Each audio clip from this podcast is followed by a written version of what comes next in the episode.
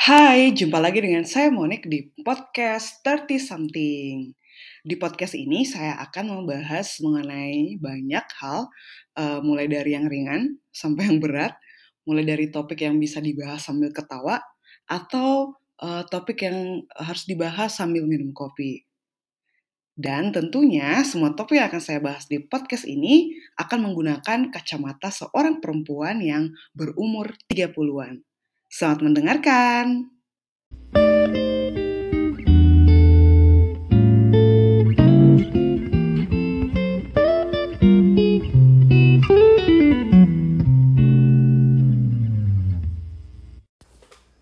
Oke, uh, sebenarnya topik ini uh, bukan topik yang bikin nyaman ya, bukan topik yang uh, ketika mendengarnya bisa sambil tersenyum sendiri atau uh, membayangkan sesuatu yang indah atau enak dipandang mata gitu.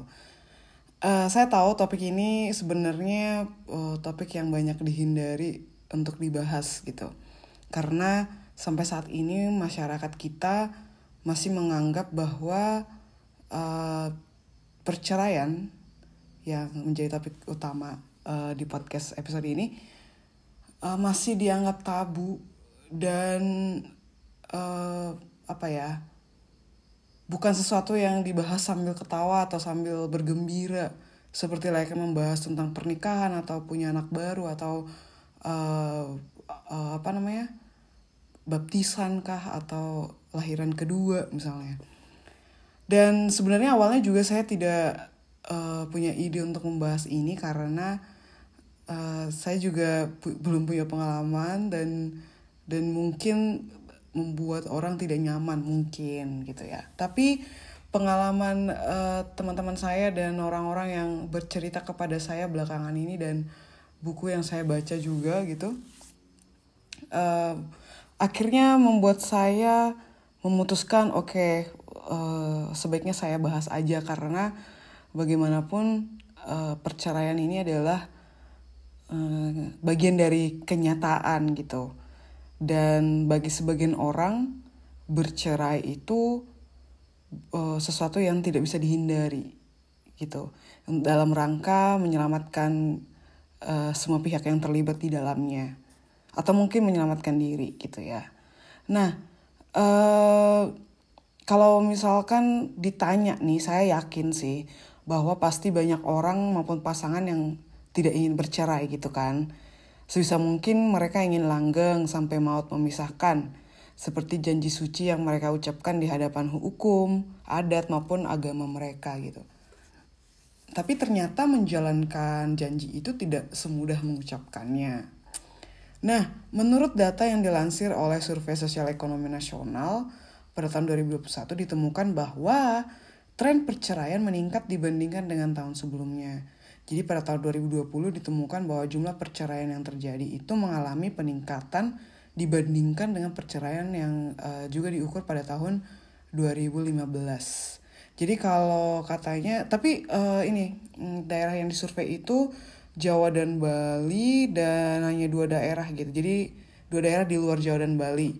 Dan ini sebenarnya bukan representasi keadaan di Indonesia seluruhnya ya tapi dari dua pulau besar ini uh, ditemukan bahwa pada tahun 2020 itu ada sekitar 4,7 juta pasangan itu bercerai dari 72,9 juta rumah tangga ya menurut survei ini. Dan dua alasan utama penyebab maraknya perceraian ini adalah uh, perselisihan secara terus-menerus dan juga masalah ekonomi uh, melihat tren perceraian ini sebenarnya saya jadi berpikir bahwa sudah saatnya kita mengubah cara pandang kita terhadap lembaga pernikahan gitu. Jadi lembaga pernikahan itu bukan sesuatu yang sifatnya sakral banget atau suci banget sehingga uh, ketika meninggalkannya atau ketika uh, melepaskannya itu menjadi sebuah dosa atau uh, sebuah aib gitu ya. Jadi uh, saya berpikir bahwa uh, pernikahan itu juga bukan suatu apa ya aku bilang kepercayaan yang uh, harus dipercaya secara membabi buta gitu sehingga uh, saya pikir pernikahan juga bisa salah gitu. Pernikahan juga tidak selalu menjamin kebahagiaan individu maupun kebahagiaan kolektif. Uh, kalau begitu, bagaimana sih sebaiknya uh, cara pandang kita terhadap pernikahan? Jadi saya tidak mau mengatakan semua orang harus seperti saya gitu, tapi uh, belakang ini saya berpikir bahwa uh, pernikahan itu bisa dianggap sebagai sebuah bentuk kerjasama gitu. Jadi bisa dilakukan dengan atau tanpa kontrak. Nah kalau mungkin teman-teman yang uh, sudah pernah atau uh, ya membaca persiapan orang yang ingin menikah dan lain-lain. Itu ada yang disebut namanya prenup gitu. Jadi pekerja apa uh, kontrak kerja sama uh, hitam di atas putih gitu sebelum pernikahan. Jadi ada kesepakatan kesepakatan gitu. Dan bagi saya pernikahan itu murni ya itu ya seperti kita bekerja gitu ya. Ada kontraknya ada kerjasamanya gitu. Dan dan kedua belah pihak yang ada di dalam lembaga pernikahan ini si uh, pasangan ini itu harus melakukannya dalam kondisi sadar dan tanpa paksaan gitu. Mereka sama-sama menerima konsekuensi dari pilihan yang akan mereka ambil. Oleh karena itu, ada baiknya bagi yang akan menikah itu memenuhi standar dewasa dan matang secara emosional gitu. Jadi uh, sebelum menikah, jadi dipastikan dulu bahwa tidak ada yang merasa ditekan atau dipaksa dan kedua belah pihak sama-sama memilih secara sadar uh, untuk uh, menjalin kerjasama dalam bentuk rumah tangga gitu ya. Nah melihat uh, penyebab utama perceraian ini salah satunya adalah masalah ekonomi ya tadi ya maka sebaiknya keadaan finansial kedua belah pihak itu dibicarakan di awal gitu. Jadi meskipun mungkin cinta yang mendasari hubungan pernikahan itu tapi cinta tidak memenuhi kebutuhan makan sehari-hari. Apalagi kalau memutuskan untuk memiliki anak walaupun saya belum mengalaminya ya tapi saya yakin tuh biaya hidup dan membesarkan anaknya itu tidak murah. Jadi uh, ya perlulah dibahas gitu apalagi misalnya ada ada sebuah keadaan gitu yang membuat salah satu harus meninggalkan pekerjaannya misalnya atau apakah keduanya um, apa tetap berada pada posisi pekerjaannya dan konsekuensi-konsekuensi dan risiko yang uh, mengikutinya gitu apabila diambil dan itu uh, dibahas gitu ya. Ini kenapa jadi kayak konseling juga ya? nah, uh, jadi waktu saya mendengar berita bahwa teman saya itu bercerai, dia mengatakan bahwa perceraian yang dia ambil itu adalah langkah terakhir gitu. Jadi sudah beberapa tahun gitu dia memberikan kesempatan kepada pasangannya dan uh, juga kepada dirinya sendiri gitu untuk menunggu melihat apakah uh, pernikahan ini beneran merupakan kerjasama kedua belah pihak atau uh, hanya pekerjaan satu orang saja gitu. Dan setelah bertahun-tahun dia menunggu uh, tidak ada perubahan dan seiring berjalannya waktu karena tidak adanya perubahan itu cinta pun uh, merosot gitu ya. Mulai menipis gitu. Uh, ya diambillah jalan ini gitu bercerai. Kalau melihat keadaan teman saya ini saya berpikir uh, apa ya di mana sih cinta mula-mula itu gitu kan? Di mana dulu cinta yang uh, membuat tidak bisa tidur nyenyak gitu ya karena uh, memikirkan dia yang jauh di sana misalnya atau cinta yang membuat uh, yang menambah energi optimisme gitu melihat masa depan. Cinta yang membuat uh, segala sesuatunya indah dalam bayangan gitu. Di mana gitu. Dan ternyata menurut pengakuan teman saya itu cinta pun bisa habis gitu cinta pun bisa menipis gitu kayak oksigen gitu ya menipis juga gitu pada akhirnya. Kalau misalnya dalam konteks teman saya ini um, pernikahannya atau keluar uh, keluarga yang mereka bangun itu hanya dilakukan oleh satu orang saja gitu. Padahal ada dua orang dewasa di situ dan it takes to tango katanya ya kan tapi dalam hal ini teman saya nari tenggonya sendirian gitu jadi it didn't work gitu. Uh, sebenarnya apa ya awalnya saya sebenarnya agak sedih gitu karena uh, saya berpikir jadi dalam angan-angan saya itu saya masih percaya bahwa uh, ketika masih ada cinta gitu kan cuma mungkin kesannya agak hopeless romantic ya tapi ketika ada cinta mungkin uh, kedua belah pihak akan punya tenaga ekstra gitu untuk menyelesaikan masalah gitu atau untuk menghadapi rintangan yang ada di depan mereka gitu tapi ternyata ada juga faktor-faktor yang kita tidak bisa duga sekarang yang kemudian membuat uh, cinta itu hilang gitu kan. Cinta itu tenggelam gitu. Sehingga keputusan untuk berpisah pun uh, tidak terelakkan. Nah, kalau saya sendiri sebenarnya uh, apa ya? saya saya inginnya memang pernikahan itu dipandang sebagai sesuatu apa ya sebagai suatu realita gitu dan dipandang secara realistis dalam hal ini misalnya kalau saya nih saya lihat nih apalagi kalau ada pasangan suami istri yang bisa bersama-sama uh, sampai tua menurut saya itu mereka beruntung gitu. Dan saya yakin itu bukan pekerjaan satu orang aja. Dan saya jadi ingat tuh uh, adegan ya di filmnya Tom Hanks yang apa? Saya lupa judulnya. Uh, film Forrest Gump gitu. Ketika adegan dia lagi nunggu bus terus kemudian dia ada uh, sekotak coklat terus kemudian dia memilih salah satu coklat gitu kan. Nah saya berpikir uh, pernikahan yang sampai tua itu sampai beneran mau memisahkan itu seperti coklat itu gitu. Uh, tidak semua tidak semua orang punya peluang yang sama atau punya apa namanya uh, ya peluang sih untuk uh, menikah sampai tua sampai dipisahkan oleh maut gitu. Dan menurut saya orang-orang yang bisa sampai tua atau sampai maut memisahkan itu ya orang-orang yang bekerja keras gitu untuk pernikahan itu dan uh, cinta menjadi bonus dan juga sekaligus menjadi uh, energi uh, mereka gitu ya.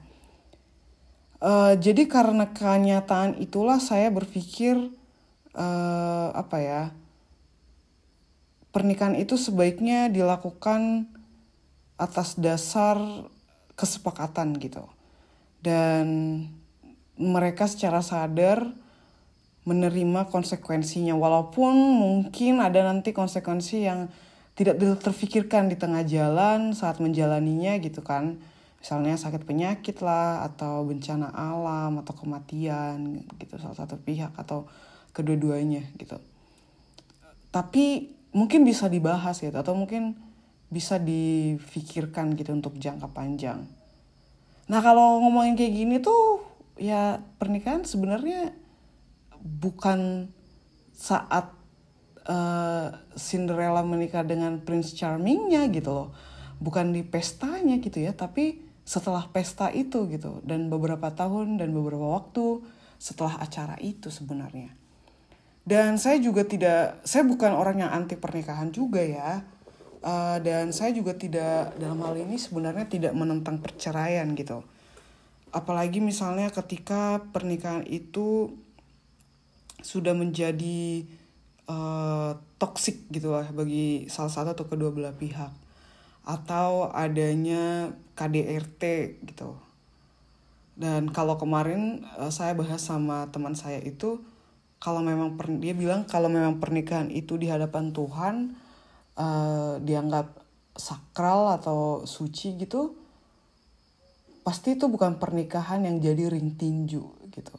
Tapi pada kenyataannya banyak gitu pernikahan yang yang abusive gitu yang ada kekerasannya gitu ada pemukulan gitu kan ada pemerkosaan gitu di dalamnya jadi uh, mungkin sudah saatnya memikirkan kembali lah tentang pernikahan itu jadi mungkin bagaimana uh, kita memproyeksikan pernikahan kita di masa depan itu mempengaruhi bagaimana kita mempersiapkan diri dan juga mempersiapkan diri untuk menerima segala konsekuensi yang terfikirkan maupun yang tidak terduga di masa yang akan datang. Ini kayak berperang gitu kali ya. Tapi uh, berperangnya uh, dimodalin nama cinta AC dan dan uh, finansial. finansial yang cukup. Nah, uh, jadi ketika mendengarkan perceraian memang ya saya pikir juga cinta juga bisa habis gitu cinta juga bisa stoknya berkurang cinta juga bisa pudar gitu dan aku pikir uh, kita bisa terlalu naif kalau membicarakan cinta dan ya mungkin cinta itu bisa dibentuk gitu. Mungkin cinta itu juga bisa hancur gitu. Misalnya pernikahan yang didasari oleh cinta sering berjalan waktu cintanya diuji ternyata habis gitu. Bisa. It's okay gitu kan. Terus ada juga yang misalnya cintanya semakin diuji kayak anggur gitu kan wine semakin matang semakin enak gitu atau semakin uh, apa uh, rasanya semakin nikmat gitu ada mungkin yang seperti itu. Dan kalau saya pribadi apa ya ya itu tadi saya tidak menentang perceraian gitu. Jadi seperti teman saya tadi bercerai adalah langkah terakhir yang sudah dia ambil gitu. Tapi ada juga misalnya kalau saya sendiri ya bercerailah kalau memang kehidupan pernikahan kalian tidak lagi memberikan kenyamanan dan keamanan bercerailah ketika rumah tangga itu dirasa berbahaya dan mengancam kesehatan mental kalian bercerailah ketika tidak ada lagi jalan lain yang bisa kalian tempuh untuk mendamaikan perasaan masing-masing saya juga yakin tidak mudah untuk melakukan perceraian itu. Saya mengetahui ada banyak istri-istri yang tidak mau bercerai karena setelah bercerai dia tidak bisa bekerja menghidupi anak-anaknya. Sudah terlalu lama dia menggantungkan hidup kepada suaminya. Saya juga mengetahui banyak pasangan yang tidak bercerai karena takut kehilangan hak asuh anaknya. Mereka saling mengancam, anak menjadi piala yang diperebutkan.